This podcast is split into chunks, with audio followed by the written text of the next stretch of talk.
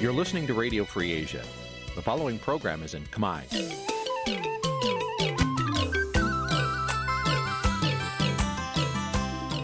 នេះជាកម្មវិធីផ្សាយ Vuthu Azizi Serai នេះជាកម្មវិធីផ្សាយរបស់ Vuthu Azizi Serai ជាភាសាខ្មែរ Vuthu Azizi Serai សូមស្វាគមន៍លោកអ្នកនាងទាំងអស់ពីរដ្ឋធានី Washington នៃសហរដ្ឋអាមេរិក។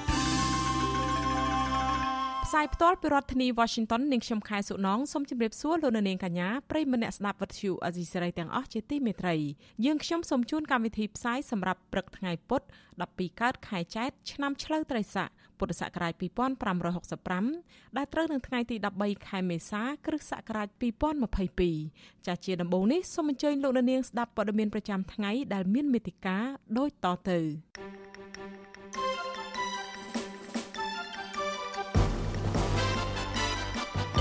រដ្ឋមន្ត្រីក្រសួងការបរទេសអាមេរិកផ្ញើសារជូនពរឆ្នាំថ្មីដល់ពលរដ្ឋខ្មែរ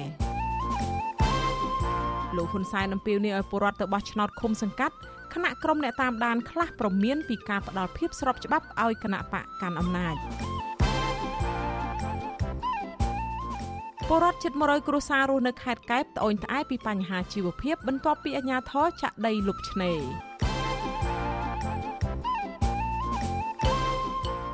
អ្នកជំនាញសុខភាពរំលឹកពលរដ្ឋកុំឲ្យសប្បាយភ្លេចការពារខ្លួនពីជំងឺ Covid-19 រួមនឹងព័ត៌មានផ្សេងៗមួយចំនួនទៀត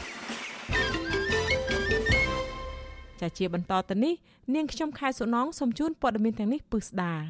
ចាលោកនាងជាទីមេត្រីរដ្ឋាភិបាលសហរដ្ឋអាមេរិកតាមរយៈរដ្ឋមន្ត្រីការបរទេសលោក Anthony Blinken ផ្ញើសារជូនពរសិរីសួស្តីឆ្នាំថ្មីដល់ពលរដ្ឋខ្មែរទាំងអស់ឲ្យជួបតែសេចក្តីរីករាយនិងសុខភាពល្អក្នុងឱកាសឆ្នាំថ្មីនេះលោក Anthony Blinken ថារដ្ឋាភិបាលអាមេរិកចងចាំនៅវប្បធម៌ដ៏ផូរផង់និងរស់រវើករបស់កម្ពុជា នៅពេលដែលពលរដ្ឋខ្មែរជួបជុំគ្នាប្រារព្ធពិធីបុណ្យចូលឆ្នាំថ្មីប្រពៃណីជាតិនេះ លោកបន្តថាសហរដ្ឋអាមេរិកមានកិត្តិយសនៅក្នុងការបន្តកសាងទំនាក់ទំនងរឹងមាំផ្នែកវប្បធម៌រវាងសហរដ្ឋអាមេរិកនិងកម្ពុជា និងសង្ឃឹម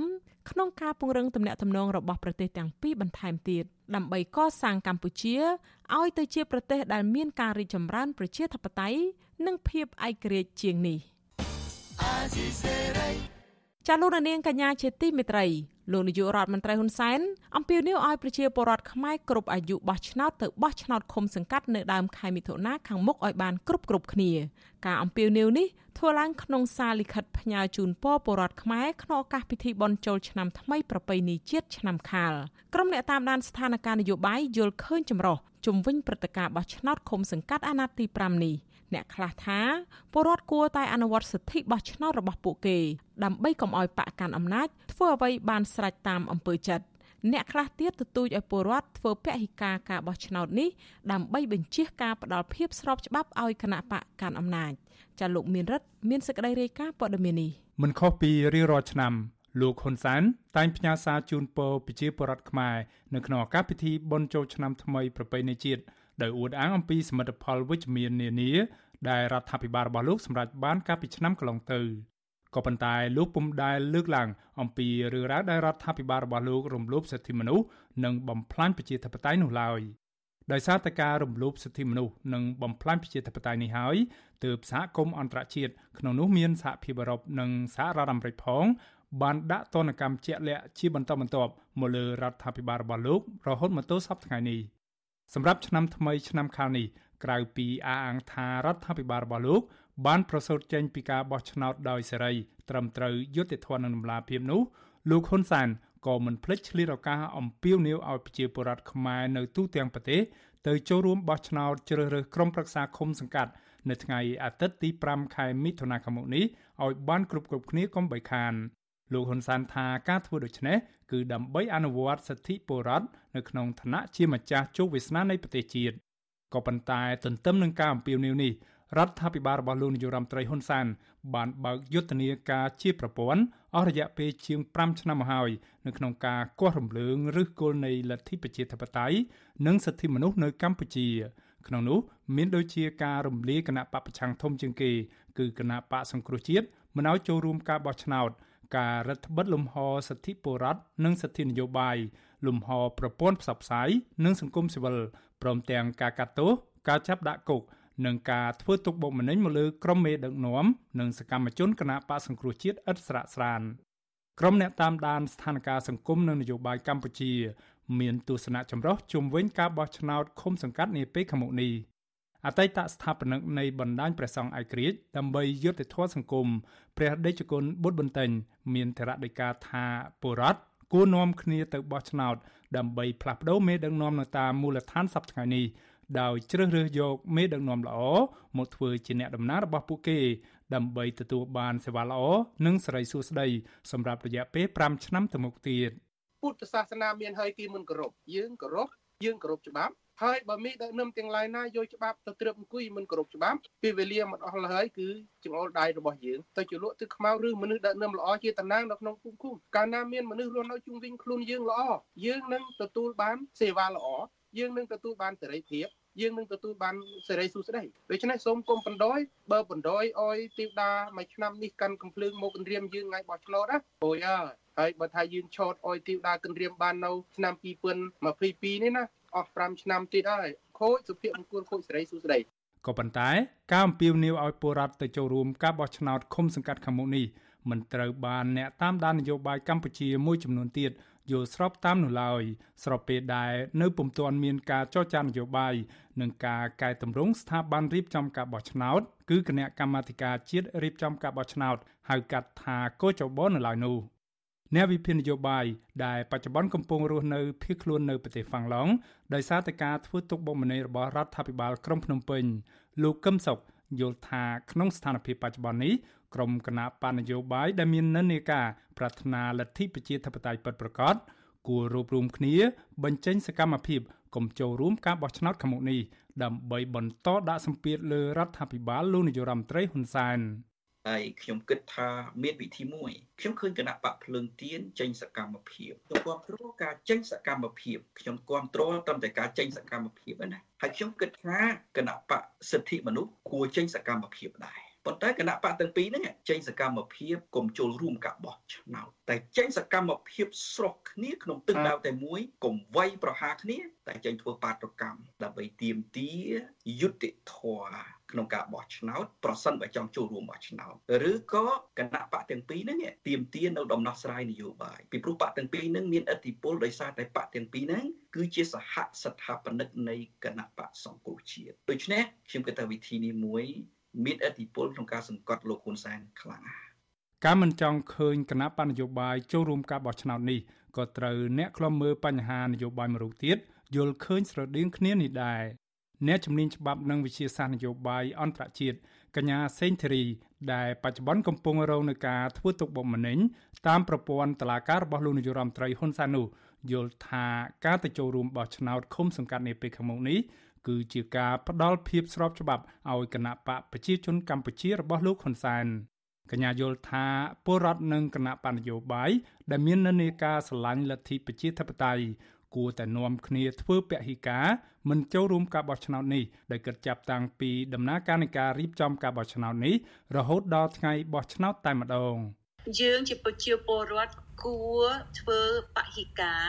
ក្នុងនីតិវិធីបោះឆ្នោតឃុំសង្កាត់ ឆ្នាំ2022នេះហើយពេលបោះឆ្នោតប្រទេសជាតិ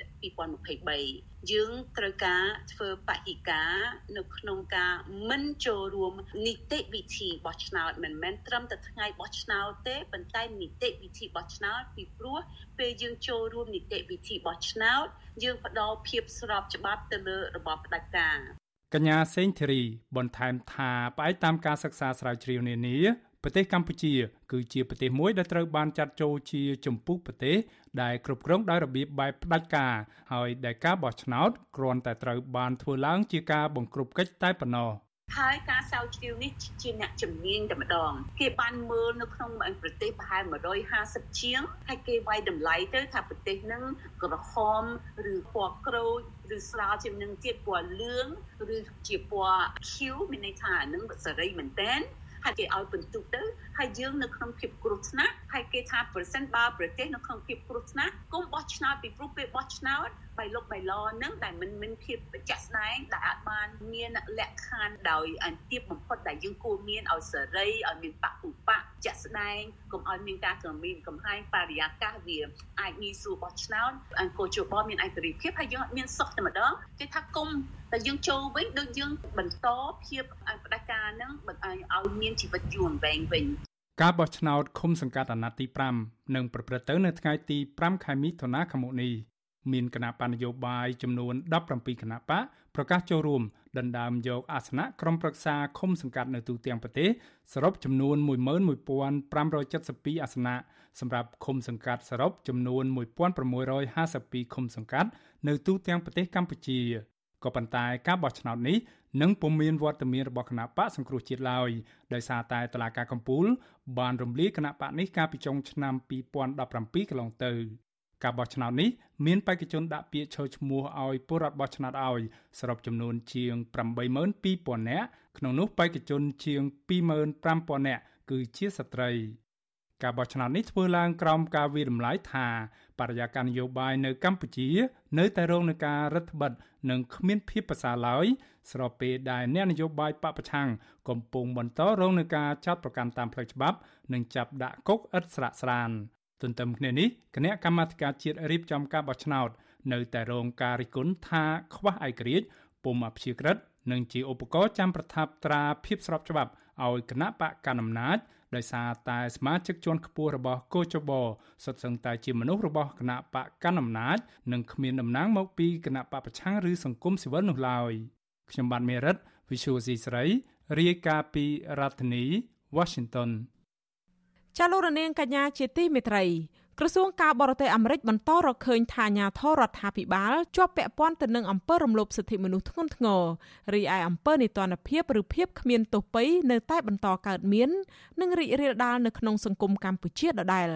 ក្រសួងការបរទេសអាមេរិកលើកឡើងពីការរកឃើញនេះនៅក្នុងរបាយការណ៍របស់ខ្លួនស្ដីពីការអនុវត្តសិទ្ធិមនុស្សទូទាំងពិភពលោកសម្រាប់ឆ្នាំ2021 ទើបនឹងចេញផ្សាយកាលពីថ្ងៃទី12ខែមេសាម្សិលមិញក្នុងរបាយការណ៍នេះក្រសួងការបរទេសអាមេរិកបញ្ជាក់ចំហថាមានរបាយការណ៍ដែលគួរឲ្យជឿទុកចិត្តថាមានមន្ត្រីឬកងកម្លាំងសមត្ថកិច្ចមួយចំនួនដែលជាអ្នករក្សាសន្តិសុខរួមមាននគរបាលជាតិនិងកងយុទ្ធពលខេមរៈភូមិន្ទបានជាប់ពាក់ព័ន្ធទៅនឹងអំពើរំលោភបំពានសិទ្ធិមនុស្ស។ ក្រសួងការបរទេសអាមេរិករកឃើញថានៅក្នុងឆ្នាំ2021កន្លងទៅ មានករណីរំលោភបំពានសិទ្ធិមនុស្សគួរឲ្យកត់សម្គាល់ដែលប្រព្រឹត្តដោយរដ្ឋាភិបាលពាក់ព័ន្ធទៅនឹងការធ្វើទរណកម្មអំពើឃោឃៅ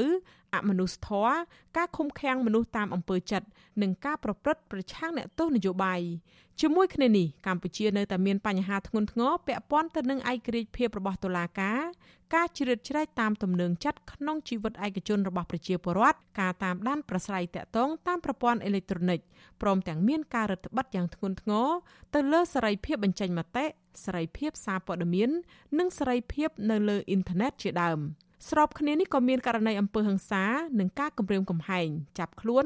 ឬកាត់ទោសអ្នកសារព័ត៌មានដោយអយុត្តិធម៌ចំណែកសេរីភាពនៃការជួបប្រជុំដោយសន្តិវិធីនិងសេរីភាពក្នុងការបង្កើតសមាគមក៏នៅតែមានការរឹតបន្តឹងខ្លាំងបន្ថែមពីនេះរដ្ឋាភិបាលនៅតែបន្តរដ្ឋបတ်និងធ្វើទុកបុកម្នេញអង្គការសិទ្ធិមនុស្សជាតិនិងអន្តរជាតិ ក្រសួងការបរទេសអាមេរិករកឃើញថារដ្ឋាភិបាលកម្ពុជាកាត់បន្ថយសមត្ថភាពរបស់ពលរដ្ឋក្នុងការផ្លាស់ប្តូររដ្ឋាភិបាលដោយសន្តិវិធីតាមរយៈការបោះឆ្នោតដោយសេរីនិងយុត្តិធម៌ទន្ទឹមនឹងនោះអំពើពុករលួយក៏កំពុងរីករាលដាលជាពិសេសក្នុងប្រព័ន្ធតុលាការតែម្ដងក្រសួងការបរទេសអាមេរិករកឃើញដែរថារដ្ឋាភិបាលខ្វះការស៊ើបអង្កេតនិងដាក់ទណ្ឌកម្មចំពោះអំពើហិង្សាលើស្ត្រី ការជួញដូរមនុស្សនិងទម្រង់ដ៏អាក្រក់បំផុតនៃពលកម្មកុមារ។ របាយការណ៍ដដែលក៏សម្គាល់ថាវប្បធម៌នីតិរដ្ឋភាពបន្តរីករាលដាលក្នុងនោះមានការបញ្ជាក់ថាមន្ត្រីរដ្ឋាភិបាលមានទាំងកម្លាំងនគរបាលផងបានរំលោភសិទ្ធិមនុស្សនិងប្រព្រឹត្តអំពើពុករលួយប៉ុន្តែករណីភ ieck ច្រើនរដ្ឋាភិបាលបានចាត់វិធានការតិចតួចឬមិនបានចាត់វិធានការទាល់តែសោះទាំងនោះសូមបញ្ជាក់ថាមន្ត្រីរដ្ឋាភិបាលនិងសមាជិកគ្រួសាររបស់ពួកគេ មានអភ័យឯកសិទ្ធិរួចផុតពីការដាក់ទោសទណ្ឌតាមច្បាប់ ពទ្យុអស៊ីសេរីនៅមិនអាចសុំប្រតិកម្មពីអ្នកនាំពាក្យរដ្ឋាភិបាលនិងគណៈកម្មាធិការសិទ្ធិមនុស្សរបស់រដ្ឋាភិបាលនៅឡើយទេគិតត្រឹមយប់ថ្ងៃទី12ខែមេសាម្សិលមិញកន្លងទៅទាំងមន្ត្រីរដ្ឋាភិបាលនិងទាំងមន្ត្រីគណៈកម្មាធិការសិទ្ធិមនុស្សរបស់រដ្ឋាភិបាលតែងច្រានចោលការរកឃើញនានាអំពីការរំលោភសិទ្ធិមនុស្សនៅកម្ពុជា ដោយហៅរបាយការណ៍ទាំងនោះថាមានចរិតនយោបាយ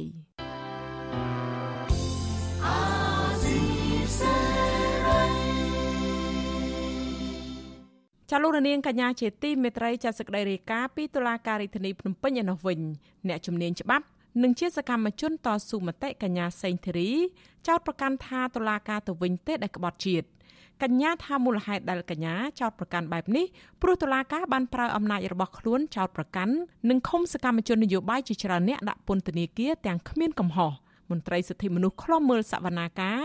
យល់ថានៅពេលដែលអ្នកនយោបាយយកប្រព័ន្ធតុលាការមកជាប់ពាក់ព័ន្ធនឹងរឿងនយោបាយដូចនេះគឺជាមិនផុតពីការរិះគន់លើស្ថាប័នតុលាការនោះទេចាលោកយុនសាមៀនរាយការណ៍ព័ត៌មាននេះកញ្ញាសេងធីរីរិះគន់ការចោទប្រកាន់របស់តុលាការលើសកម្មជននយោបាយនិងសកម្មជនតស៊ូមតិថាជាទង្វើបំពុលសង្គម កញ្ញាបន្តថាតឡាការពេលនេះកំពុងកាត់ទោសសេរីភាពយុត្តិធម៌និងប្រជាធិបតេយ្យដែលទង្វើទាំងនោះមិនត្រឹមតែធ្វើឲ្យប៉ះពាល់ដល់ជីវិតកញ្ញាឬសកម្មជននយោបាយនោះទេប៉ុន្តែធ្វើឲ្យប៉ះពាល់ដល់ជីវិតរបស់ជាតិតែម្ដងបើអញ្ចឹងវារឿងនឹងវាធំធេងលើសពីបុគ្គលម្នាក់ម្នាក់ដែលជាខ្ញុំផ្សេងជារីដែលជាលោកស្រីយុគនាងដែលលោកលោកកកំភៀនលើសពីនឹងទៀត អ្វីដែលកំពុងកើតឡើងវាប៉ះពាល់ដល់ជីវិតជាតិតែម្ដងនៅក្នុងការបំពោជាតិអ្វីដែលគាត់នឹងកាត់ទោសអត់មានមូលដ្ឋានគាត់កាត់ទោសតាមអំពើចិត្តតាមខ្យល់នយោបាយហើយខ្យល់នយោបាយឥឡូវកំពុងជះលើយើងកញ្ញាសេងធីរីរីគុណតឡាការបែបនេះកើតឡើងបន្ទាប់ពីកញ្ញាបានចូលរួមសវនាការលើសំណុំរឿងរួមគំនិតក្បត់និងញុះញង់ឲ្យមានភាពវឹកវរធ្ងន់ធ្ងរដល់សន្តិសុខសង្គម ពាក់ព័ន្ធនឹងសំណុំរឿងគាំទ្រផែនការវិលចូលស្រុករបស់លោកសំរងស៊ីកាលពីចុងឆ្នាំ2019សវនាការនៅថ្ងៃទី12ខែមេសានេះតុលាការបានប្រើពេលលឿនជាងមុន និងខ្លីជាងមុនមុន ក្នុងពេលសវនាការប្រធានអង្គជំនុំជម្រះលោករស់ពិសិដ្ឋបានផ្ដោតលើករណីសួរដេញដោលនិងសម្រេចលើសំណើសុំនៅក្រៅឃុំរបស់អ្នកស្រីយុនាង អ្នកស្រីយុនាងជាអតីតប្រធានចលនាស្ត្រីគណៈបកសង្គ្រោះជាតិប្រចាំរាជធានីភ្នំពេញនិងបច្ចុប្បន្នជាសកម្មជនគណៈបកភ្លើងទៀនដែលត្រូវបានសមត្ថកិច្ចចាប់ខ្លួនកាលពីពេលថ្មីថ្មីនេះក្រោយពេលអ្នកស្រីបានចូលរួមនឹងគណៈបកភ្លើងទៀនតុលាការក៏បានកោះហៅសកម្មជនគណៈបកសង្គ្រោះជាតិកំពុងជាប់ឃុំនៅពន្ធនាគារ4នាក់រួមមានលោកកកកំភាលោកទុំប៊ុនថននិងលោកហេងចន្ទធីផងដែរ តុលាការមិនបានអនុញ្ញាតឲ្យអ្នកស្រីយុនាង នៅក្រៅឃុំនោះទេហើយមិនបានពន្យល់ពីមូលហេតុនៃការមិនអនុញ្ញាតឲ្យនៅក្រៅឃុំនោះឡើយ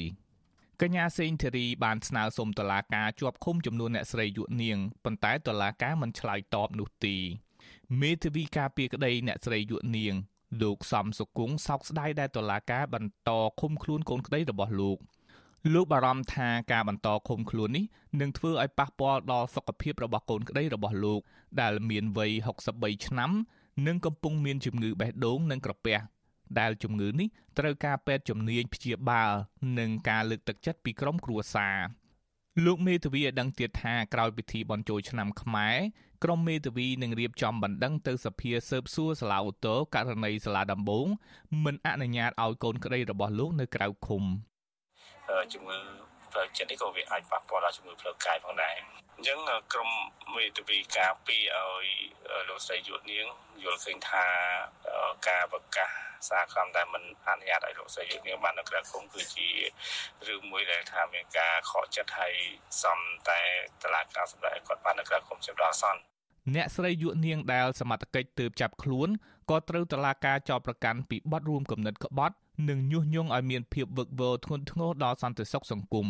ពាក់ព័ន្ធនឹងសំណុំរឿងគាំទ្រផែនការវិលចូលស្រុករបស់លោកសំរងស៊ីកាលពីចុងឆ្នាំ2019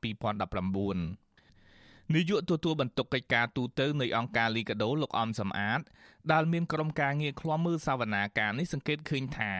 តុលាការមិនមានភ័ស្តុតាងរឹងមាំសម្រាប់ដាក់បន្ទុកលើសកម្មជននយោបាយទាំងនោះទេ លោកថាចំណាត់ការរបស់តុលាការបែបនេះនឹងធ្វើឲ្យមានការចោទប្រកាន់ថាតុលាការជាប់ជំពាក់នឹងរឿងនយោបាយយើងមើលទៅករណីរឿងកញ្ញាសេងធារីក្តីករណីសកម្មជនក្តីតគណៈបកប្រឆាំងក្តីឬក៏សំណុំរឿងនៃមេដឹកនាំអតីតគណៈបកប្រឆាំងក្តីសហគមន៍ជាតិមួយចំនួនក៏ដូចជាសហគមន៍អន្តរជាតិគេមើលឃើញថាវាជារឿងនយោបាយច្រើនជាងរឿងការអនុវត្តច្បាប់ណា វិទ្យុអាស៊ីសេរីមិនអាចសុំប្រតិកម្មពីប្រធានលេខាធិការដ្ឋានសាលាដំបងរាជធានីភ្នំពេញលោកអ៊ីរ៉ានបានទេនៅថ្ងៃទី12ខែមេសានេះតុលាការនឹងបើកសវនាការនៅថ្ងៃទី3ខែឧសភាខាងមុខដែលជាសវនាការធ្វើសេចក្តីសន្និដ្ឋានហើយតុលាការអាចនឹងប្រកាសសាលក្រមនៅពេលខាងមុខដ៏ខ្លីផងដែរមន្ត្រីសិទ្ធិមនុស្សលោកអំសមាតបារម្ភថាសកម្មជននយោបាយនឹងប្រឈមការធ្វើទុកបុកម្នេញពីតុលាការ ប្រសិនបើវិបត្តិនយោបាយនៅតែគ្មានច្រកចេញដដែលលោកប្រមានថាតុលាការនឹងប្រឈមការរិះគន់ពីមតិជាតិនិងអន្តរជាតិប្រសិនបើសាលក្រមតុលាការធ្វើឡើង ដោយផ្អែកតាមគំនាបនយោបាយខ្ញុំយុនសាមៀនវិទ្យុអាស៊ីសេរីប្រធានាធិបតី Washington ចាលោកនាងកញ្ញាជាទីមេត្រីចាលោកនាងកំពុងស្ដាប់ការផ្សាយរបស់វិទ្យុអាស៊ីសេរី ចាត់តាក់ទងទៅនឹងសកម្មជនគណៈបកប្រឆាំងឯនេះវិញគ្រួសារជនរងគ្រោះនៅតែមានមន្ទិលសង្ស័យចំពោះការស្លាប់របស់លោកជឿនសារឹមថាអាចជាប់ពាក់ព័ន្ធទៅនឹងរឿងនយោបាយព្រោះជនរងគ្រោះរូបនេះធ្លាប់ទទួលរងនឹងការគំរាមកំហែងពីសំណាក់អាជ្ញាធរនិងរងការលបវាយប្រហារនិងដំបងពីជនដែលមិនស្គាល់មុខដោយសារតែសកម្មភាពគ្រប់គ្រងគណៈបកសង្គ្រោះជាតិនិងគ្រប់គ្រងគណៈបកភ្លើងទៀនប៉ុន្តែបើទោះជាមិនបានឃើញភៀកគីម្ខាងទៀតនៅកន្លែងកើតហេតុក៏ដោយ ក៏មន្ត្រីនគរបាលចរាចរណ៍អះអាងថាមូលហេតុនៃការស្លាប់របស់លោកជឿនសរឹមគឺដោយសារគ្រោះថ្នាក់ចរាចរណ៍មន្ត្រីសង្គមស៊ីវិលបន្តទទូចឲ្យអាជ្ញាធរស៊ើបអង្កេតដោយឯករាជ្យដំឡាភាពជំវិញមូលហេតុនៃការស្លាប់នេះដើម្បីបញ្ជាការចោទប្រកាន់ចាលោកមួងណារ៉េតរាយការណ៍អំពីរឿងនេះអាជ្ញាធរអះអាងថាលោកជឿនសរឹម អនុប្រធានប្រតិបត្តិគណៈបកភ្លើងទៀននៅខណ្ឌច្បារអំពើរាជធានីភ្នំពេញបានស្លាប់ដោយសារតែគ្រោះថ្នាក់ចរាចរណ៍ក៏ប៉ុន្តែគ្រួសារលោកជឿនសរឹមនៅតែមានមន្ទិលចំពោះការស្លាប់នេះដោយពួកគាត់នៅតែសង្ស័យថាវាអាចពាក់ព័ន្ធទៅនឹងរឿងនយោបាយដដែលបើទោះបីជាយ៉ាងនេះក្តីគ្រួសាររបស់លោកជឿនសរឹមនឹងមិនប្តឹងទៅសមត្ថកិច្ចទេពីព្រោះពួកគាត់មានជីវភាពខ្វះខាតពុំមានលទ្ធភាពនិងគ្មានជំនឿថាអាជ្ញាធរនឹងស៊ើបអង្កេតដោយឯករាជ្យ និងយុត្តិធម៌ដល់ជនរងគ្រោះនោះឡើយដោយយោងទៅលើករណីជាច្រើនកន្លងមក ដែលសកម្មជនគណបកប្រឆាំងបានស្លាប់និងរងគ្រោះពីការធ្វើទុកបុកម្នេញតែសមត្ថកិច្ចមិនទាន់ចាប់បានជនល្មើសយកមកផ្ដន្ទាទោសតាមច្បាប់បាននៅឡើយនោះដែរលោកស្រីសិទ្ធស្រីតូចដែលជាប្រពន្ធលោកជឿនសរឹមប្រាប់វិទ្យុអាស៊ីសេរីនៅថ្ងៃទី12ខែមេសា ថាអាញាធរភូមិឃុំ បានត្រឹមតែប្រាប់លោកស្រី ថាប្តីរបស់លោកស្រីបានស្លាប់ដោយសារតែគ្រោះថ្នាក់ចរាចរណ៍ ក៏ប៉ុន្តែលោកស្រីថាអាញាធរមិនបានបង្ហាញលទ្ធផលស្រាវជ្រាវដែលធ្វើឲ្យគ្រួសារលោកស្រីអស់ចិត្តនឹងទទួលយកបាននោះឡើយបើទោះបីជាយ៉ាងនេះក្តីលោកស្រីសង្កេតឃើញរបួសនៅលើសាកសពប្តីរបស់លោកស្រី ជាពិសេសផ្នែកខាងក្រោយផុងលលាក្បាល ដែលអាចត្រូវគេលបវាយពីក្រោយខ្នងទើបធ្វើឲ្យលោកស្រីសង្ស័យថាករណីស្លាប់នេះអាចទំនងជាជាប់ពាក់ព័ន្ធនឹងរឿងនយោបាយព្រោះប្តីលោកស្រីជាសកម្មជននយោបាយម្យ៉ាងវិញទៀតប្រពន្ធសកម្មជនបកប្រឆាំងរូបនេះ ប្រាប់ថាប្តីលោកស្រីធ្លាប់ត្រូវគេលបវាយនឹងដំបងនិងគំរាមកំហែងតាម Facebook ពីជនមិនស្គាល់អត្តសញ្ញាណដែលគំរាមឲ្យប្តីលោកស្រីប្រយ័ត្នខ្លួនក្នុងពេលធ្វើសកម្មភាពនយោបាយជាមួយនឹងគណៈបព្វឆាំងលោកស្រីស្រីតូចថាប្តីលោកស្រីបានដឹងខ្លួនជាមុនរួចទៅហើយថាសកម្មភាពនយោបាយទាំងនេះនឹងមានគ្រោះថ្នាក់នៅថ្ងៃណាមួយជាជាមិនខាន។ រួមមកគាត់គ្រាន់តែគៀតបែងត្រូវចំមុខមកបន្តិចទេតែក្បាលគាត់ពីក្រួយឆាប់ដូចមកបំណងអញ្ចឹងតែបើការសសង្ស័យរបស់ខ្ញុំជាប្រពន្ធខ្ញុំគិតថាគេប៉ុនតងច្រើនជាងព្រោះអីបើប្តីនៅជាមួយខ្ញុំគេច្រើនទៅទេមកបង្រៀនច្រើនទៅទេមកជួនកាលគេឲ្យខ្ញុំបបប្តីទៅជួនកាលគេឲ្យខ្ញុំបង្រៀនប្តីទៅជួនកាលគេឲ្យបបប្តីថាឲ្យប្តីជឹកចូលអញ្ជើទៅឲ្យប្តីណាសកម្មភាពខ្លះទៅបើស្រឡាញ់ប្តីបើមិនស្រឡាញ់ទេខ្លាចបាត់បង់ប្តីធ្វើតាមដំណើរ ជំវិញការលើកឡើងនេះនគរបាលស្រុកត្រាំកក់ទទួលបន្ទុកចរាចរណ៍លោកសេងប៊ុនថនប្រាប់វិទ្យុអាស៊ីសេរីថាសមត្ថកិច្ចបានពិនិត្យមើលនៅកន្លែងកើតហេតុឃើញតែជនរងគ្រោះស្លាប់នឹងម៉ូតូក៏ប៉ុន្តែជនបង្ករត់គេចខ្លួនបាត់លោកឲ្យដឹងថាបច្ចុប្បន្នខាងលោកកំពុងតែស៊ើបអង្កេតនិងស្រាវជ្រាវតាមរយៈកាមេរ៉ាសវត្ថិភាពតាមផ្លូវជាតិលេខ3នៅក្បែរកន្លែងកើតហេតុដើម្បីស្វែងរកមូលហេតុពិតប្រាកដនិងរកយុត្តិធម៌ជូនជនរងគ្រោះ។ លោកបញ្ជាក់ថារបាយការណ៍បឋមដោយសមត្ថកិច្ចសន្និដ្ឋានថាលោកជឿនសរឹមស្លាប់ដោយសារតែគ្រោះថ្នាក់ចរាចរណ៍ហើយអាជ្ញាធរមូលដ្ឋានបានជម្រាបទៅក្រុមគ្រួសារជនរងគ្រោះរួចអស់ទៅហើយទៅដល់កន្លែងកើតហេតុហ្នឹងគឺគាត់មីពូហ្នឹងបើយើងមើលជាក់ស្ដែងគឺបុកឡានទីក្រោយហ្នឹងក្បាលម៉ូតូគាត់ហ្នឹងវាបែកអស់នៅកន្លែងកើតហេតុទៅយើងឃើញតែតោហើយនឹងគាត់ទេរងគ្រោះហ្នឹងរមមធ្យោបាយដែលគាត់ប៉ះហ្នឹងគឺអត់នៅកន្លែងកើតហេតុហ្នឹងទេដូចជំនាញយើងបីរត់ជើងដើម្បីស្រាវជ្រាវរមមធ្យោបាយហ្នឹង លោកជឿនសរឹមស្លាប់នៅក្នុងហេតុការណ៍លើផ្លូវជាតិលេខ3ម្ដុំស្ពានស្លាគូស្រុកត្រាំកក់ខេត្តតាកែវកាលពីថ្ងៃទី9ខែមេសាបន្ទាប់ពីលោកធ្វើដំណើរតាមម៉ូតូពីស្រុកកំណើតមកភ្នំពេញវិញគណៈបកភ្លើងទៀននិងក្រុមគ្រួសាររបស់ជនរងគ្រោះនៅតែមានមន្ទិលសង្ស័យចំពោះការស្លាប់នេះដែលពួកគាត់ថាទំនងជាជាប់ពាក់ព័ន្ធនឹងរឿងនយោបាយព្រោះលោកជឿនសរឹមធ្លាប់ទទួលរងការគំរាមកំហែងពីសំណាក់អាជ្ញាធរនិងរងការលបវាយប្រហារនឹងដំបងពីជនមិនស្គាល់មុខដោយសារតែលោកបន្តគាំទ្រគណៈបកប្រឆាំងនោះ។ ជុំវិញរឿងនេះនាយកផ្នែកទូតនៃអង្គការលីកាដូលោកអំសំអាតមានប្រសាសន៍ថាសមត្ថកិច្ចមិនគួរសន្និដ្ឋានមូលហេតុនៃការស្លាប់របស់សកម្មជននយោបាយលោកជឿនសរឹមឆាប់រហ័សបែបនេះពេកទេដើម្បីជៀសវាងការរិះគន់និងការចោទប្រកាន់អំពីបញ្ហានយោបាយមុនការបោះឆ្នោតលោកបន្តថាករណីប្រមទ័ននេះទោះស្លាប់បណ្ដាលមកពីគ្រោះថ្នាក់ចរាចរណ៍ឬក៏រឿងនយោបាយក៏ដោយក៏អាជ្ញាធរត្រូវតែបង្ហាញឆន្ទៈស៊ើបអង្កេតដោយឯករាជ្យមានតម្លាភាព ដើម្បីស្វែងរកការពិតនិងផ្ដល់យុត្តិធម៌ដល់ជនរងគ្រោះនោះដែរហើយករណីនេះបើដូចជាក្រុមគ្រួសារគាត់ដែលលើកឡើងគាត់ត្រូវបានទទួលការគម្រាមកំហែងពីមុនមកហើយត្រូវបានគេលួចវាយម្ដងទៅហើយអានឹងវានាំឲ្យមានការចោទប្រកាន់ច្រើនទៅទៀតដែលគេសង្ស័យថាជាប់ពាក់ព័ន្ធនឹងជាមួយនឹងរឿងនយោបាយអញ្ចឹងហើយចំណុចនេះហើយដែលអង្គការសង្គមស៊ីវិលនៅតែទទូចឲ្យមានការស៊ើបអង្កេតដោយឯករាជ្យតម្លាភាពនិងយុត្តិធម៌ លោកជឿនសរឹមគឺជាសមាជិកក្រុមប្រឹក្សាជាប់ឆ្នោតគណៈបកសង្គ្រោះជាតិនៅសង្កាត់ច្បារអំពៅ2និងបច្ចុប្បន្នលោកជាអនុប្រធានប្រតិបត្តិគណៈបកភ្លើងទៀនខណ្ឌច្បារអំពៅហើយឈរជាបេក្ខជនលេខរៀងទី2នៅសង្កាត់ច្បារអំពៅ2សម្រាប់ការបោះឆ្នោតអាណត្តិទី5ខាងមុខនេះកាលនៅមានជីវិតលោកតែងតែបញ្ចេញមតិរិះគន់ភាពអសកម្មរបស់រដ្ឋាភិបាល និងអំពើអយុត្តិធម៌សង្គមនៅលើបណ្ដាញសង្គម Facebook ជាហូរហែជាពិសេសសកម្មភាពគាំទ្រដំណើរមាតុភូមិនិវត្តរបស់លោកសំរងស៊ីកាលពីឆ្នាំ2019រហូតត្រូវបានគេគំរាមកំហែងនឹងលបវាយនឹងដំបងបណ្ដាលឲ្យរងរបួសធ្ងន់កាលពីឆ្នាំ2020បើទោះបីជារងការធ្វើទុកបុកម្នេញស្ទើរគ្រប់រូបភាពយ៉ាងនេះក្តីក៏លោកនៅតែបន្តសកម្មភាពនយោបាយរបស់លោកជាមួយនឹងគណៈបកភ្លើងទៀននិងតែងតែបញ្ចេញមតិរិះគន់រដ្ឋាភិបាលលោកហ៊ុនសែននិងបញ្ហានៅក្នុងសង្គមជាបន្តបន្ទាប់ ខ្ញុំបាទមុងណារ៉េត With you Assisary ប្រធានាធិបតី Washington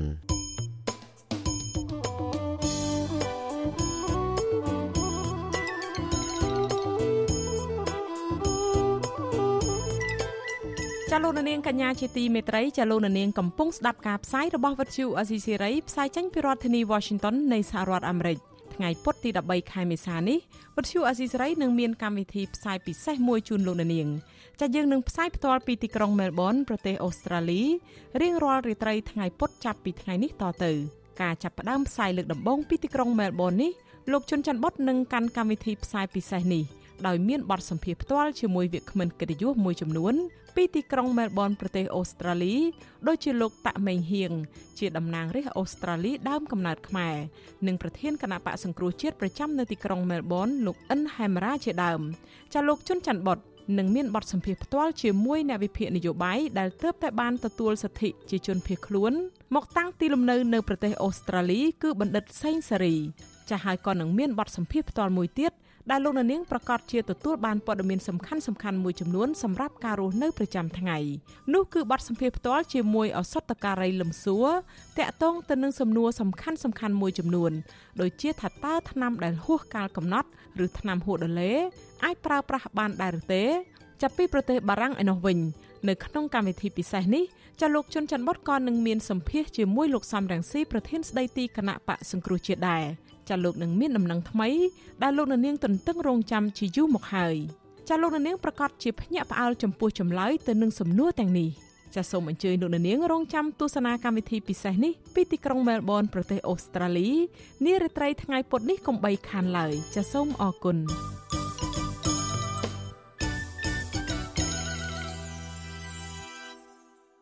ចាលោកនាងកញ្ញាជាទីមេត្រីចាលោកនាងកំពុងស្ដាប់ការផ្សាយរបស់វិទ្យុអាស៊ីសេរី អ្នកជំនាញសុខភាពរំលឹកដល់ពលរដ្ឋខ្មែរទាំងអស់ឲ្យប្រុងប្រយ័ត្នខ្ពស់និងកុំសបាយភ្លេចការពារខ្លួនពីជំងឺ Covid-19 ក្នុងពេលដែលរដ្ឋាភិបាលចាប់ផ្ដើមបន្ធូរបន្ថយវិធានការបង្ការជំងឺនេះនិងបើកឲ្យពលរដ្ឋប្រារព្ធពិធីបុណ្យចូលឆ្នាំខ្មែរដោយធម្មតាឡើងវិញចាលោកនាងនឹងបានស្ដាប់សេចក្តីរាយការណ៍ព័ត៌មាននេះនៅក្នុងការផ្សាយរបស់យើងនៅពេលបន្តិចទៀតនេះ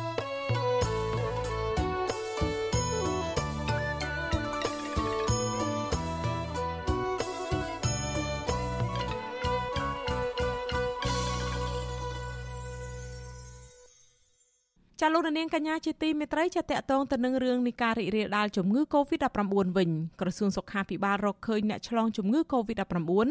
ចំនួន17ករណីថ្មីទៀតដែលសុទ្ធតែជាវីរុសបំផ្លែងថ្មីអូមីក្រុងឆ្លងនៅក្នុងសហគមន៍ទាំងអស់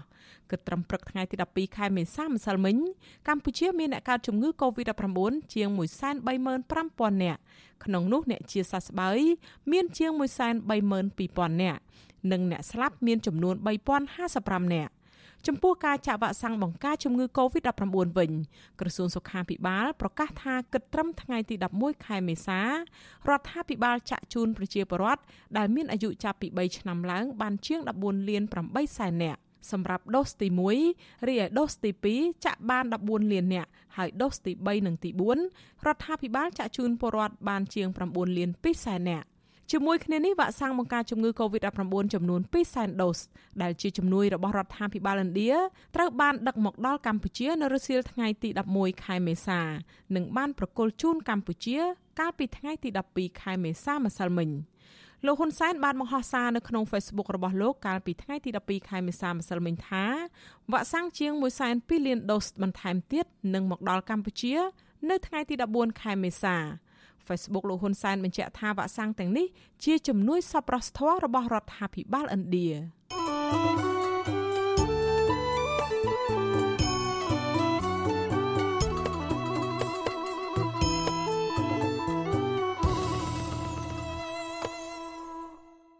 ចលនានាងកញ្ញាជាទីមេត្រីកម្មវិធីអភិវឌ្ឍសហប្រជាជាតិ UNDP ប្រចាំកម្ពុជាបង្ហាញថា គ្រោះថ្នាក់ចរាចរណ៍គឺជាមូលហេតុនាំមុខគេដែលបណ្ដាលឲ្យមនុស្សស្លាប់និងរងរបួសរាប់ពាន់នាក់ព្រមទាំងខាតបង់ថវិកាជាង450លានដុល្លារក្នុងមួយឆ្នាំមួយឆ្នាំជាមធ្យមគឺមានមនុស្សយ៉ាងតិច5នាក់បាត់បង់ជីវិតជារៀងរាល់ថ្ងៃតើមូលហេតុអ្វីបណ្ដាលឲ្យគ្រោះថ្នាក់ចរាចរណ៍តើពលរដ្ឋគួរធ្វើដូចម្តេចខ្លះដើម្បីបញ្ជៀសពីគ្រោះថ្នាក់ចរាចរណ៍ចាសសូមលោកនាងរងចាំស្ដាប់សេចក្តីរាយការណ៍នេះលម្អិតនៅក្នុងការផ្សាយរបស់យើងនៅពេលបន្តិចទៀតនេះ ចាលោកនាងកញ្ញាជាទីមេត្រីចាលោកនាងកំពុងស្ដាប់ការផ្សាយរបស់វិទ្យុអាស៊ីសេរីផ្សាយចេញពីរដ្ឋធានី Washington នៃសហរដ្ឋអាមេរិកចាក្រៅពីលោកនាងស្ដាប់ការផ្សាយនៅលើបណ្ដាញសង្គម Facebook និង YouTube នេះចាលោកនាងក៏អាចស្ដាប់ការផ្សាយផ្ទាល់តាមវិទ្យុរលកធាតុអាកាសខ្លីឬ Shortwave តាមកម្រិតនិងកម្ពស់ដូចតទៅនេះ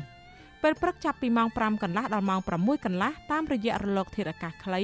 12140 kHz ស្មើនឹងកម្ពស់ 25m និង13715 kHz ស្មើនឹងកម្ពស់ 22m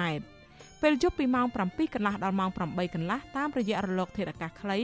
9960 kHz ស្មើនឹងកម្ពស់ 30m 12140 kHz ស្មើនឹងកម្ពស់ 25m និង11885 kHz ស្មើនឹងកម្ពស់ 25m ចាលោកនាងកញ្ញាជាទីមេត្រីពលរដ្ឋជិត100គ្រួសាររស់នៅខេត្តកែបត្អូញត្អែពីការបាត់បង់ប្រាក់ចំណូលបន្ទាប់ពីអាជ្ញាធរខេត្តនេះបានចាក់ដីលុបឆ្នេរជ្រោយទ្រង់ទ្រាយធំកាលពីឆ្នាំ2021កន្លងទៅ មន្ត្រីសង្គមស៊ីវិលសោកស្ដាយតំបន់ឆ្នេរដែលធ្លាប់មានភ្ញៀវទៅកំសាន្តហើយបែរជាអាជ្ញាធរប្រែក្លាយទៅជាតំបន់ដីគោកក្រោមស្លាកអភិវឌ្ឍចាលោកមានរិទ្ធមានសេចក្តីរាយការណ៍មួយទៀតពីព័ត៌មាននេះប្រជាពលរដ្ឋជិត100គ្រួសាររស់នៅក្រុងកែប ឲ្យដឹងថាក្នុងអំឡុងពិធីបុណ្យចូលឆ្នាំថ្មីប្រពៃណីខ្មែរខាងមុខនេះពួកគាត់ពិបាករកប្រាក់ចំណូលដោយសារតែអាជ្ញាធរបានចាក់លុបឆ្នេរជ្រោយដូងដែលជាតំបន់ឆ្នេរមានភ្ញៀវទេសចរតែងមកទស្សនាលំហែកាយក្រុមអាជីវករបន្តថាភ្ញៀវទេសចរភ ieck ច្រើនទៅកំសាន្តនៅតំបន់ឆ្នេរជ្រោយដូងនេះខកចិត្តចំពោះអាជ្ញាធរដែលបានលុបបំបាត់ឆ្នេរងូតទឹកកំសាន្តដើម្បីប្រែក្លាយទៅជាតំបន់ដីគោកវិញ អាជីវករម្នាក់លក់ដូរនៅឆ្នេរជ្រោយដូងក្រុងកែបលោកស្រីចន្ទថាប្រាវិសុយស៊ីស្រីនៅថ្ងៃទី12ខែមេសាថាក្រោយពីអាជ្ញាធរចាក់ដីលុបឆ្នេរសមុទ្រមកពលរដ្ឋប្រកបរបរនៅតំបន់ឆ្នេរនេះមានជីវភាពកាន់តែដុនដាបលោកស្រីបន្តថាសប្តាហ៍នេះតំបន់ឆ្នេរជ្រោយដូងមិនមានភ្ញៀវទេសចរមកលេងកំសាន្តច្រើនកកទៀតឡើយដែលធ្វើឲ្យអាជីវករពិបាកលក់ដូររកប្រាក់ចំណូលពីសេវាកម្មបម្រើភ្ញៀវទេសចរលោកមិនបើលក់ដាច់យើងធ្វើមិនបើលក់ដាច់ហើយយើងទូជាងគេយើងធ្វើមិនយើងទៅខត់គេមិនយើងទូជាងគេយើងទៅខត់មិនយើងតវ៉ាយើងចេះតប៉ុន្តែអភិវឌ្ឍគេនៅអភិវឌ្ឍតវ៉ាទៅជួបបៃខេតបៃខេតថាខេតនៃអភិវឌ្ឍមានអីគាត់ថាឲ្យអភិវឌ្ឍអស់តែ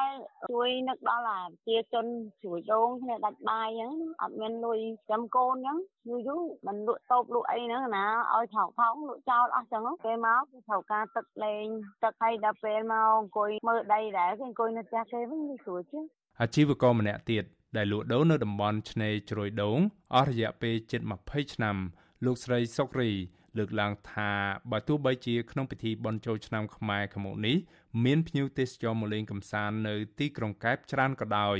ក៏លោកស្រីមិនសង្ឃឹមរកប្រាក់ចំណូលបាននោះទេលោកស្រីបញ្ជាក់ថាភ្ញៀវមកលេងភៀកច្រើន តែងតែចង់មកហែលទឹកដើរកំសាន្តតាមមាត់ឆ្នេរ ក៏ប៉ុន្តែបច្ចុប្បន្ននេះតំបន់ឆ្នេរជ្រោយដូងត្រូវបានអាជ្ញាធរចាក់ដីលុបបំពេញឆ្នេរឲ្យក្លាយទៅជាដីគោកអស់ហើយតែពេលឥឡូវវាអត់មានឆ្នេរមួយទឹកមួយអីកើតអញ្ចឹងគេថាគេសុខចិត្តអង្គុយនៅផ្ទះគេមិនស្រួលជាងព្រោះមកមកលេងសមុទ្រគេត្រូវការមកចិត្តសមុទ្រអញ្ចឹងដល់ពួកខ្ញុំពិបាកខ្លាំងមែនទែនឥឡូវពួកខ្ញុំពិបាកខ្លាំងការតូនតែរបស់ក្រមអាជីវករទាំងនេះ កើតមានឡើងក្រោយពីអាជ្ញាធរសម្រេចគម្រោងចាក់ដីលុបឆ្នេរសមុទ្រដែលមានបណ្ដោយជាង300ម៉ែត្រកាលពីខែសីហាឆ្នាំ2021កន្លងទៅក្រុមអាជីវករចាត់ទុកតំបន់ឆ្នេរជ្រោយដូងនេះថាជាអាយុជីវិតនិងជាឆ្នាំងបាយរបស់ពួកគាត់អស់រយៈពេលជាង30ឆ្នាំមកហើយប្រជាពលរដ្ឋចាត់ទុកការអភិវឌ្ឍគម្រោងនេះថាខ្វះដំណាភាពនិងមិនបានជួយលើកកម្ពស់ដល់សេដ្ឋកិច្ចរបស់ពលរដ្ឋឲ្យមានជីវភាពល្អប្រសើរនោះឡើយជាងនេះទៅទៀត ក្រុមអាជីវករថាពួកគាត់មួយចំនួនបានបង្ខំចិត្តលក់តូបនិងអ្នកខ្លះទៀតជួលតូបឲ្យអ្នកផ្សេងដើម្បីទៅស៊ីឈ្នួលនៅតាមបណ្ដាខេត្តផ្សេងផ្សេងដើម្បីយកប្រាក់មកផ្គត់ផ្គង់ជីវភាពគ្រួសារទាក់ទងនឹងបញ្ហានេះអ្នកនាំពាក្យសាលាខេត្តកែបលោកវ៉ាវសុខាទទួលស្គាល់ថាការអភិវឌ្ឍគម្រោងលុបឆ្នេរសមុទ្រកន្លងមកនេះបានធ្វើឲ្យប៉ះពាល់ដល់ការប្រកបអាជីវកម្មរបស់ពលរដ្ឋជាច្រើនលោកបន្តថាអាជ្ញាធរបានចាក់ដីខ្សាច់ បន្ថែមពីលើដីក្រហម ដើម្បីកែលម្អឆ្នេរនិងជួយរៀបចំកន្លែងលក់ដូរជូនពលរដ្ឋក្រោយពីបញ្ចប់ការសាងសង់គម្រោងនេះ។អំណាចយើងតែមានការអវត្តបង្ធ្វើដំណើរការការថាវាអាចជាមានខុសមានអីចឹងណាជារួមគឺថាយើងបង្រៀនដើម្បីបរិយាកាសវិទ្យានៃកំសាន្តបន្ថែមណាបាទយើងយើងអត់ទាន់មានផែនការទេយើងឲ្យគាត់លក់នៅនឹងគាត់ណាហើយទៅពេលយើងកសាងរៀបចំអីហើយយើងទៅរៀបចំមកគាត់សំរុំព្រោះឡើយយើងឃើញកន្លែងហ្នឹងក៏វាលក្ខខណ្ឌដែរវាមិនសំរុំហ្មងណាបាទ អ្នកនាំពាក្យរូនេះអះអាងថាការលុបតំបន់ឆ្នេរមួយនេះគឺដើម្បីពង្រីកសក្តានុពលបំរើប្រយោជន៍មហាជនទូទៅ និងមិនមែនកែប្រែដោយអភិវឌ្ឍទៅជាទីតាំងតំបន់អគារវិនិយោគរបស់ក្រុមហ៊ុនឯកជនណាមួយនោះឡើយជុំវិញរឿងនេះ ប្រធានសមាគមប្រជាធិបតេយ្យឯករាជ្យនៃសេដ្ឋកិច្ចក្រៅប្រព័ន្ធលោកវុនពៅ មានប្រសាសន៍ថាអាញាធរគួរតែផ្ដល់កិច្ចគាំពៀឲ្យពលរដ្ឋមានកន្លែងលក់ដូរសមរម្យដើម្បីឲ្យពួកគាត់អាចស្ដារជីវភាពរបស់ពួកគាត់ឡើងវិញបាន មន្ត្រីសង្គមស៊ីវិលរូនេះមើលឃើញថាអ្នកសេដ្ឋកិច្ចក្រៅប្រព័ន្ធជាច្រើន បានរងផលប៉ះពាល់ពីការអភិវឌ្ឍបែបនេះក៏ប៉ុន្តែអាជ្ញាធរហាក់មិនបានអើពើជួយដោះស្រាយទុកកង្វល់ជូនប្រជាពលរដ្ឋនៅឡើយទេ អាញាធរទីនោះมันមានបတ်ស្រ័យថាវាអាចមានរឿងស្អីពីក្រោយខ្នងហ្នឹងក៏មករឿងប្រយោជន៍ឬក៏ញ៉ាណាមួយដែលអ្នកណាគេអភិវឌ្ឍហើយធ្វើឲ្យប្រជាពលរដ្ឋបាត់បង់ការងារបាត់បង់មុខរបរអញ្ចឹងទេអាហ្នឹងការអភិវឌ្ឍបែបហ្នឹងគឺគេហៅថាការអភិវឌ្ឍឬក៏ជាការរៀបចំស្ដាប់ធ្នាប់ដូចគ្នាការជួលខុសត្រូវជាការព្រួយបារម្ភយើងឃើញថារាល់ការអភិវឌ្ឍទាំងអស់ត្រូវយករដ្ឋមកដាក់ពីមុខទាំងអស់ហ្នឹងទោះបីឈ្មោះធំទាំងអស់ហ្នឹងមានឥទ្ធិពលលើអាញាធររដ្ឋអាញាធរតែងតែអះអាងថាគ្រប់ការអភិវឌ្ឍរបស់រដ្ឋទាំងអស់ពេលខ្លះដាក់ថា របស់រដ្ឋចុងក្រោយមួយអ្នកគ្រប់គ្រងទាំងអស់ប្រជាពលរដ្ឋឲ្យដឹងថាមកដល់ពេលនេះគម្រោងលុបឆ្នេរសមុទ្រនៅទីតាំងឆ្នេរជ្រោយដូងនៅមិនទាន់លេចចេញជារូបរាងអភិវឌ្ឍអ្វីឡើយក្រៅតែពីការបាត់បង់សភនភាព និងការបាត់បង់កន្លែងងូតទឹកកំសាន្តក្រុមអាជីវករក៏ព្រួយបារម្ភពីការបណ្តេញចេញដើមបង្ខំនៅថ្ងៃខាងមុខ ក្រោមរូបភាពអភិវឌ្ឍទៅជាសេដ្ឋកិច្ចទីក្រុងពហុបំណងដោយក្រុងព្រះសីហនុពីសំណាក់ក្រុមហ៊ុនឯកជន និងអ្នកមានលុយមានអំណាចខ្ញុំបាទមេរិត Visual C ស្រីរាយការណ៍ពីរដ្ឋធានី Washington ចាលោកនាងកញ្ញាជាទីមេត្រី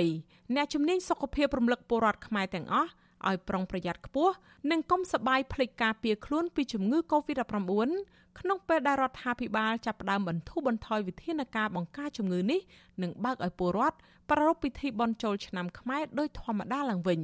ចាលោកមួងណារ៉េតរាយការណ៍អំពីរឿងនេះ2ឆ្នាំជាប់ជាប់គ្នាមកហើយ ដែលកម្ពុជាខកខាន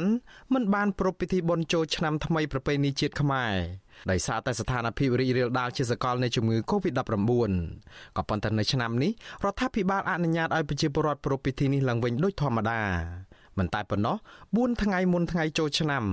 លោកនាយរដ្ឋមន្ត្រីហ៊ុនសែនបានប្រកាសឲ្យប្រជាពលរដ្ឋនៅខេត្តចំនួន4មានខេត្តរតនគិរីមណ្ឌលគិរីស្ទឹងត្រែងនិងព្រះវិហារមិនចាំបាច់ពាក់ម៉ាស់ថែមទៀតផង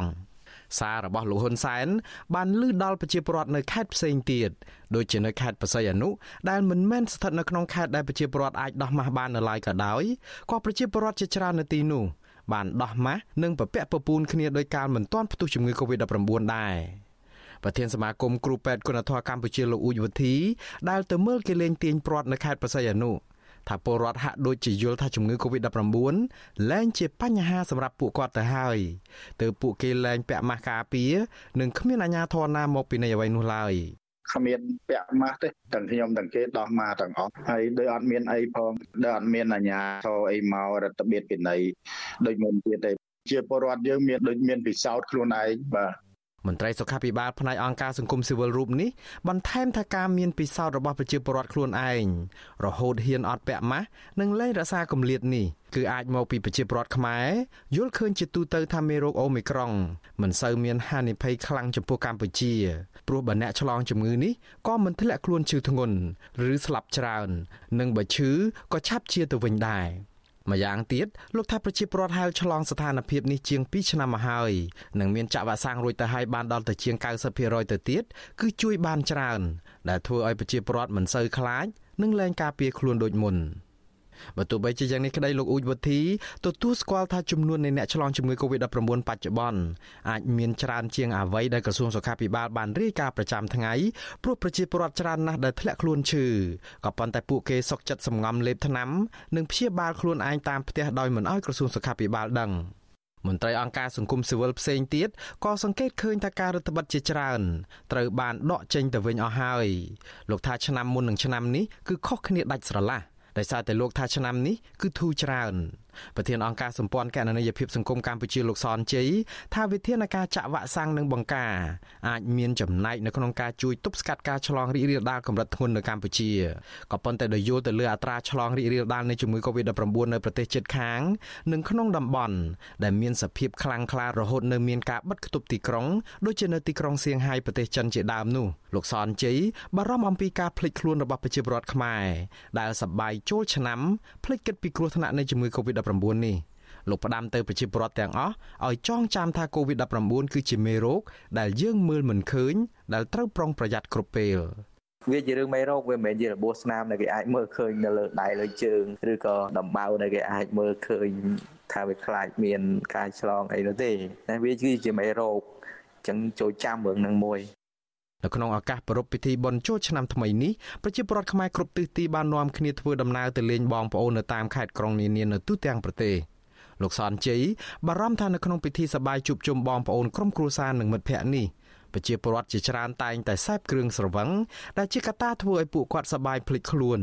ស្រវឹងភ្លេចអស់ការប្រុងប្រយ័ត្នដែលងាយឆ្លងជំងឺ Covid-19 ច្រើនលោកលើកទឹកចិត្តឲ្យអ្នកធ្វើចំណាក់ស្រុកពីមួយកន្លែងទៅមួយកន្លែងគួរតែប្រុងប្រយ័ត្នឲ្យមែនតែនជាពិសេសត្រៀមធ្វើតេស្តរហ័សរកជំងឺ Covid-19 នេះតាមធម្មតាខែចែកក្តៅខ្លាំងខែប្រាំងក្តៅហែង លោកអ៊ូចវុធីថាប្រជាពលរដ្ឋខ្មែរមានភ័ព្វវាសនាដោយសារតែចូលឆ្នាំប៉ះចំខែក្តៅដែលលោកអះអាងថាជំងឺ Covid-19 មិនអាចទ្រាំទៅនឹងកម្ដៅថ្ងៃបានឡើយបើទោះបីជាយ៉ាងនេះក្តីខែចែកឆ្នាំនេះអាកាសធាតុប្រែប្រួលទៅជាមានភ្លៀងធ្លាក់ជាបណ្ដាបណ្ដាលោកសនជ័យឯណោះលោកថាស្ថានភាពបែបនេះក៏ងាយនឹងធ្វើឲ្យប្រជាពលរដ្ឋធ្លាក់ខ្លួនឈឺដែរដូច្នេះប្រជាពលរដ្ឋត្រូវតែប្រុងប្រយ័ត្នជាប់ជានិច្ច ជាទូទៅក្នុងរដូវបុណ្យចូលឆ្នាំម្ដងម្ដង កាលមុនមានកូវីដកម្មកររោងចក្រសហគ្រាសនាំគ្នាធ្វើដំណើរទៅលេងស្រុកឡើងស្ងាត់រោងចក្រឆ្នាំនេះដោយសារតែរដ្ឋាភិបាលបើកឲ្យប្រជាពលរដ្ឋប្រពៃពិធីបុណ្យចូលឆ្នាំដោយធម្មតាកម្មករអាចទៅលេងស្រុកកំណើតច្រើននាយកប្រតិបត្តិមជ្ឈមណ្ឌលប្រជាពលរដ្ឋដើម្បីការអភិវឌ្ឍនិងសន្តិភាពលោកយងកំឯងថាស្ថានភាពបែបនេះ លោកព្រួយបារម្ភជាពិសេសអំពីការឆ្លងមេរោគអូមីក្រុងនិងមេរោគបំផ្លាញថ្មីផ្សេងទៀតដែលអាចជាហានិភ័យដល់កម្ពុជាលោកថាបើឆ្លងច្រើនគឺពាក់ព័ន្ធនឹងការចម្លងដែលប៉ះពាល់ដល់កំណើនសេដ្ឋកិច្ចនិងសង្វាក់ផលិតកម្មនិងសេវាកម្មផ្សេងផ្សេងដែលកំពុងតែដំណើរការ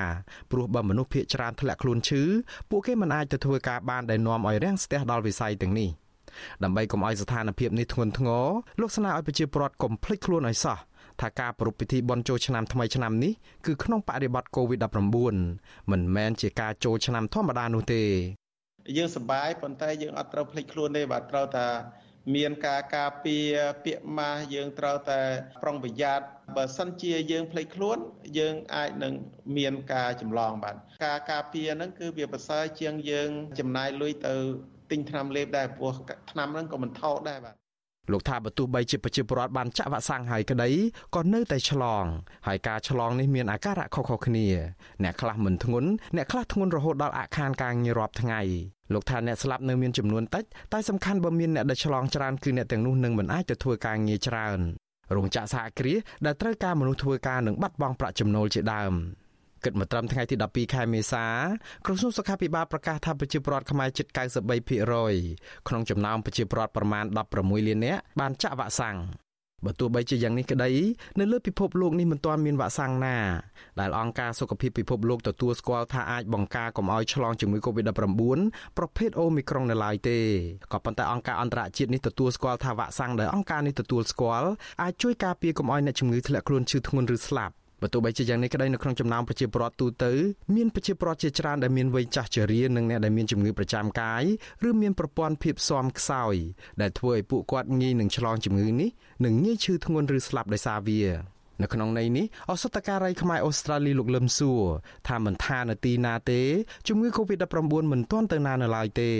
ដូច្នេះលោកស្នើឲ្យប្រជាពលរដ្ឋគ្រប់រូបក្នុងអំឡុងពេលនៃបុណ្យចូលឆ្នាំខ្មែរនេះត្រូវប្រុងប្រយ័ត្នខ្ពស់បើទោះបីជារដ្ឋាភិបាលបន្ធូរបន្ថយ COVID អត់ភ្លេចយើងទេយើងកុំភ្លេច COVID ដែរមិនហើយនៅតែរក្សាយ៉ាងខ្ជាប់ខ្ជួននៅផ្នែកអនាម័យណាដូចថាជាពិសេសយើងត្រូវលាងដៃឲ្យបានខ្ជាប់ខ្ជួនចំនួន20វិនាទីយ៉ាងតិចយើងលាងឲ្យបានត្រឹមត្រូវណាមិនជាលាងទៅសើមដៃណាទីពីរយើងត្រូវតែពាក់ម៉ាស់ជានិច្ចទៅលេងបន់ទៀនក៏ដោយទៅវត្តវាក៏ដោយហើយយើងកំលៀតគ្នាក៏ត្រូវតែកំលៀត1ម៉ែត្រកន្លះទៅបើយើងអាចឃ្លាតបាន នៅតែប្រុងប្រយ័ត្នជានិច្ចព្រោះ COVID នឹងវាអាចនឹងកម្លាយខ្លួនទៀតទៅអនាគតយើងក៏មិនដឹងដែរវត្តជូអាស៊ីសេរីមិនទាន់អាចសុំការបំភ្លឺពីអ្នកនាំពាក្យក្រសួងសុខាភិបាលអ្នកស្រីអាវ៉ាន់ឌិនអំពីថាតើក្រសួងសុខាភិបាលមានវិធានការយ៉ាងណាដើម្បីទប់ទល់នឹងការឆ្លងរីករាលដាលទ្រង់ទ្រាយធំនៃជំងឺ Covid-19 នៅក្នុងរដូវបុណ្យចូលឆ្នាំថ្មីនេះទេក៏ប៉ុន្តែការបើកឲ្យប្រជាពលរដ្ឋលែងពាក់ម៉ាស់នៅ4ខេត្តនិងអនុញ្ញាតឲ្យប្រជាពលរដ្ឋប្រារព្ធពិធីបុណ្យចូលឆ្នាំថ្មីដោយធម្មតានេះ គឺជាការសាក់លបងរោគភាពស៊ាំនៅក្នុងសហគមន៍ក្រោយកម្ពុជាបានចាក់វ៉ាក់សាំងជូនប្រជាពលរដ្ឋបានជាង90%នោះកន្លងមករដ្ឋាភិបាលបានសាកល្បង3លើកមកហើយគឺលើកទី1កាលពីរដូវបុណ្យភ្ជុំឆ្នាំ2021លើកទី2គឺនៅដាច់ឆ្នាំសកលឆ្នាំ2021និងលើកទី3កាលពីក្នុងរដូវបុណ្យចូលឆ្នាំចិនតែលទ្ធផលសាកល្បងលើកទី4នេះនឹងទៅជាយ៉ាងណា មានតែពេលវេលាតែប៉ុណ្ណោះទើបអាចបញ្ជាក់បាន ខ្ញុំបាទមុងណារ៉េត With you Aziz Ray ប្រធានាទី Washington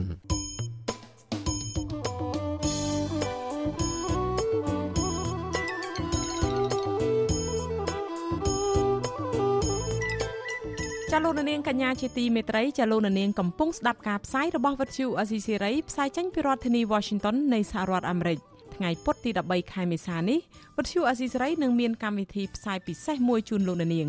ចាយើងនឹងផ្សាយផ្ទាល់ពីទីក្រុងមែលប៊នប្រទេសអូស្ត្រាលីរៀងរាល់រាត្រីថ្ងៃពុធចាប់ពីថ្ងៃនេះតទៅការចាប់ផ្ដើមផ្សាយលើកដំបូងពីទីក្រុងមែលប៊ននេះលោកជុនច័ន្ទបុតនឹងកាន់កម្មវិធីផ្សាយពិសេសនេះ ដោយមានបទសម្ភាសផ្ទាល់ជាមួយវាគ្មិនកិត្តិយសមួយចំនួន ពីទីក្រុងមែលប៊នប្រទេសអូស្ត្រាលីដូចជាលោកតាក់មេងហៀងជាតំណាងរាស្ត្រអូស្ត្រាលីដើមកំណើតខ្មែរនិងប្រធានគណៈបកសង្គ្រោះជាតិប្រចាំនៅទីក្រុងមែលប៊នលោកអិនហែមរ៉ាជាដើមចាលោកជុនច័ន្ទបុតនិងមានបទសម្ភាសផ្ទាល់ជាមួយអ្នកវិភាគនយោបាយដែលទើបតែបានទទួលសិទ្ធិជាជនភៀសខ្លួន មកតាំងទីលំនៅនៅប្រទេសអូស្ត្រាលីគឺបណ្ឌិតសេងសេរីចាស់ហើយក៏នឹងមានបទសម្ភាសន៍ផ្ទាល់មួយទៀត ដែលលោកនាងប្រកាសជាទទួលបានព័ត៌មានសំខាន់សំខាន់មួយចំនួនសម្រាប់ការរស់នៅប្រចាំថ្ងៃនោះគឺបទសម្ភាសន៍ផ្ទាល់ជាមួយអសតការីលឹមសួរតាក់ទងទៅនឹងសំណួរសំខាន់សំខាន់មួយចំនួនដូចជាថាតើថ្នាំដែលហួសកាលកំណត់ឬថ្នាំហួសដុល្លេ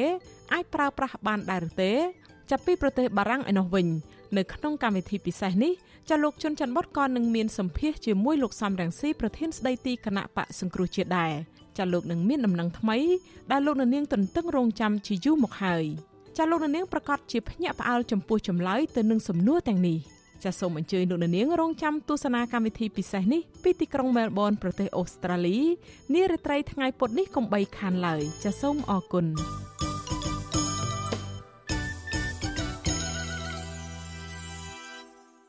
ចាលោកនាងកញ្ញាជាទីមេត្រី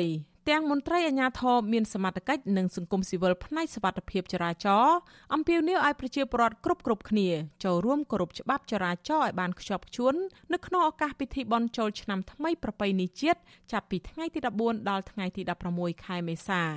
ដើម្បីកាត់បន្ថយការស្លាប់និងរងរបួស ការអំពាវនាវនេះធ្វើឡើងក្រោយដែលចំនួនអ្នកស្លាប់និងអ្នករងរបួសមានការកើនឡើងទ្វេដងដោយសារគ្រោះថ្នាក់ចរាចរណ៍នៅក្នុងពិធីបុណ្យចូលឆ្នាំខ្មែរជារៀងរាល់ឆ្នាំ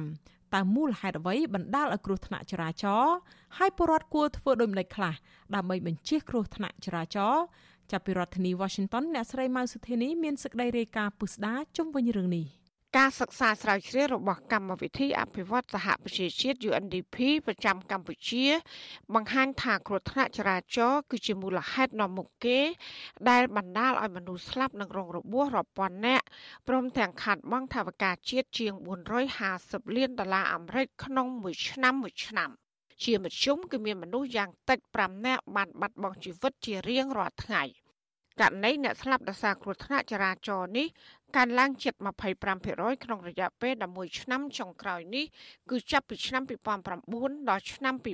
2019ប្រធានវិជាស្ថានសវត្ថភាពចរាចរណ៍ផ្លូវគោកលោកគង់រតនៈមានប្រសាសន៍ប្រាប់បច្ចុប្បន្នស៊ីស្រីនៅថ្ងៃទី12ខែមេសាថាមូលហេតុចម្បងនៃគ្រោះថ្នាក់ចរាចរណ៍គឺបើកបរហួសល្បឿនកំណត់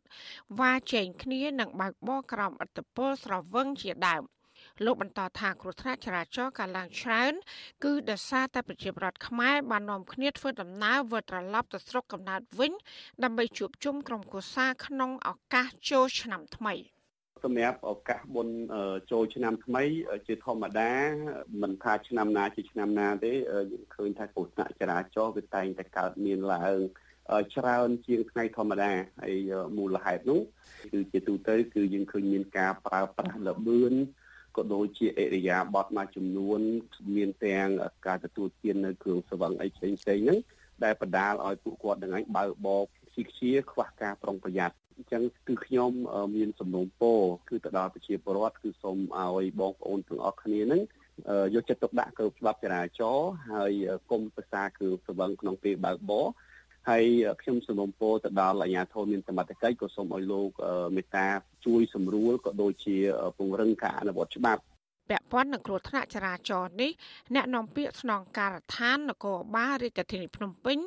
លោកសាន់សុកសីហាមានប្រសាសន៍ប្រាប់វិទ្យុអសីសេរីថាសមត្ថកិច្ចបានពង្រឹងកងកម្លាំងការពារសុវត្ថិភាពនៅតាមដងផ្លូវចាប់ពីចុងសប្តាហ៍កន្លងមកនេះ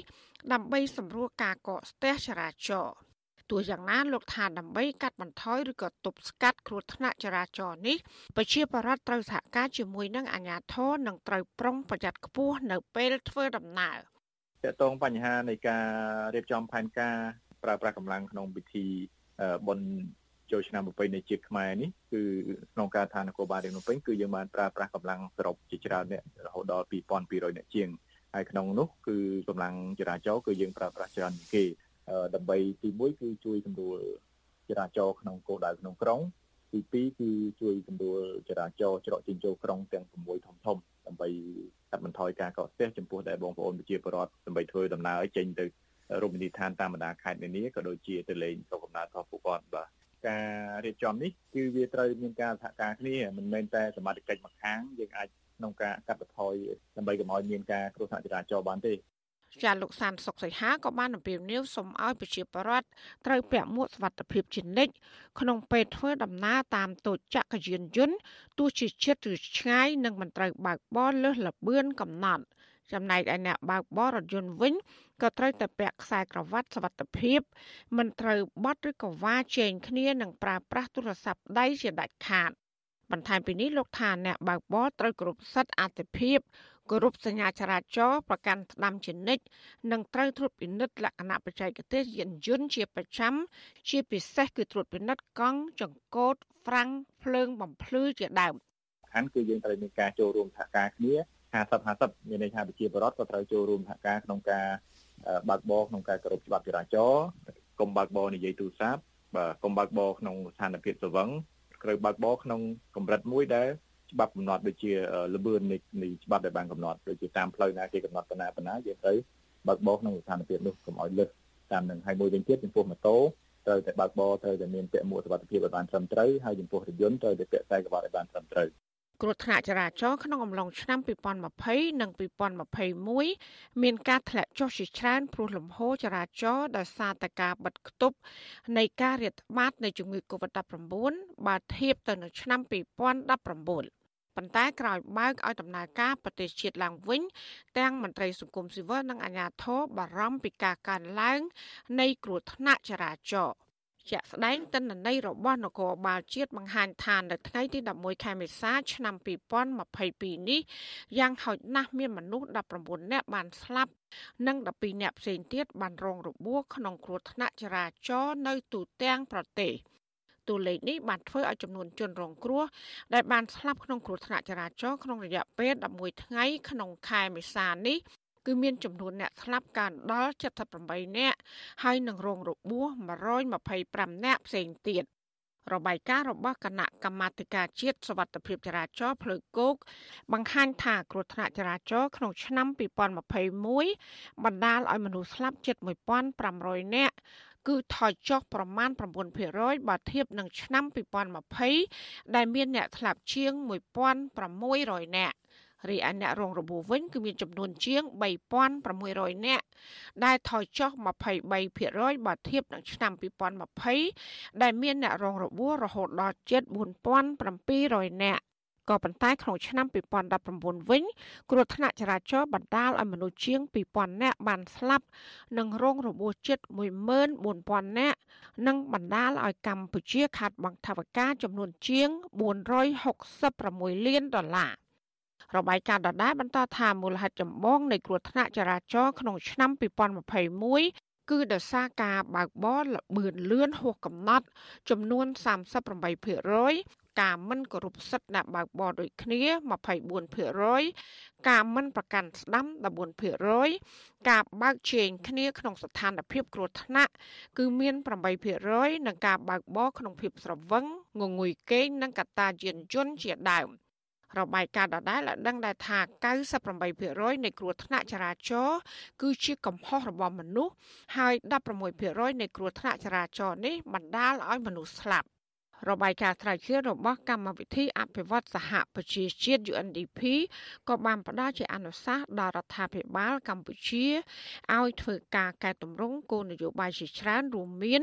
ពង្រឹងការប្រមូលទិន្នន័យកែលម្អហេដ្ឋារចនាសម្ព័ន្ធនិងលិខិតបទដ្ឋានគតិយុត្តនានាពង្រឹងការអនុវត្តច្បាប់ចរាចរណ៍ បង្កើនការយល់ដឹង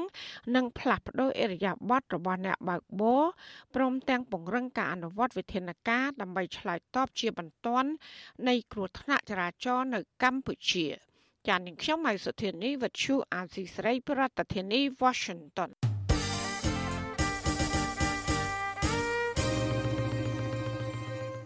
ចាលោកនាងកញ្ញាជាទីមេត្រីចាការផ្សាយរយៈពេល1ម៉ោងមកនេះបានឈានមកដល់ទីបញ្ចប់ហើយចានាងខ្ញុំសូមជូនពរដល់លោកនាងកញ្ញាទាំងអស់ឲ្យជួបប្រកបតែនឹងសេចក្តីសុខចម្រើនរុងរឿងកុំបីឃ្លៀងឃ្លាតឡើយចាសម្រាប់ពេលនេះនាងខ្ញុំខែសុណងព្រមទាំងក្រុមការងារទាំងអស់នៃវិទ្យុអាស៊ីសេរីសូមអរគុណនិងសូមជម្រាបលា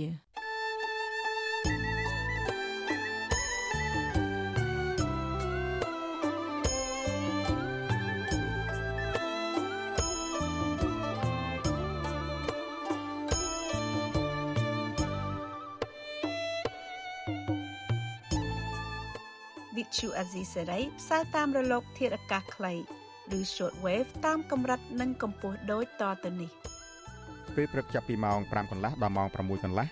តាមរយៈរលកធាតុអាកាសខ្លី12140 kHz ស្មើនឹងកម្ពស់ 25m និង13715 kHz ស្មើនឹងកម្ពស់ 22m ពេលយប់ចាប់ពីម៉ោង7កន្លះដល់ម៉ោង8កន្លះតាមរយៈរលកធាតុអាកាសខ្លី 9960 kHz ស្មើនឹងកម្ពស់ 30m 12140 kHz ស្មើនឹងកម្ពស់ 25m និង11885 kHz ស្មើនឹងកម្ពស់ 25m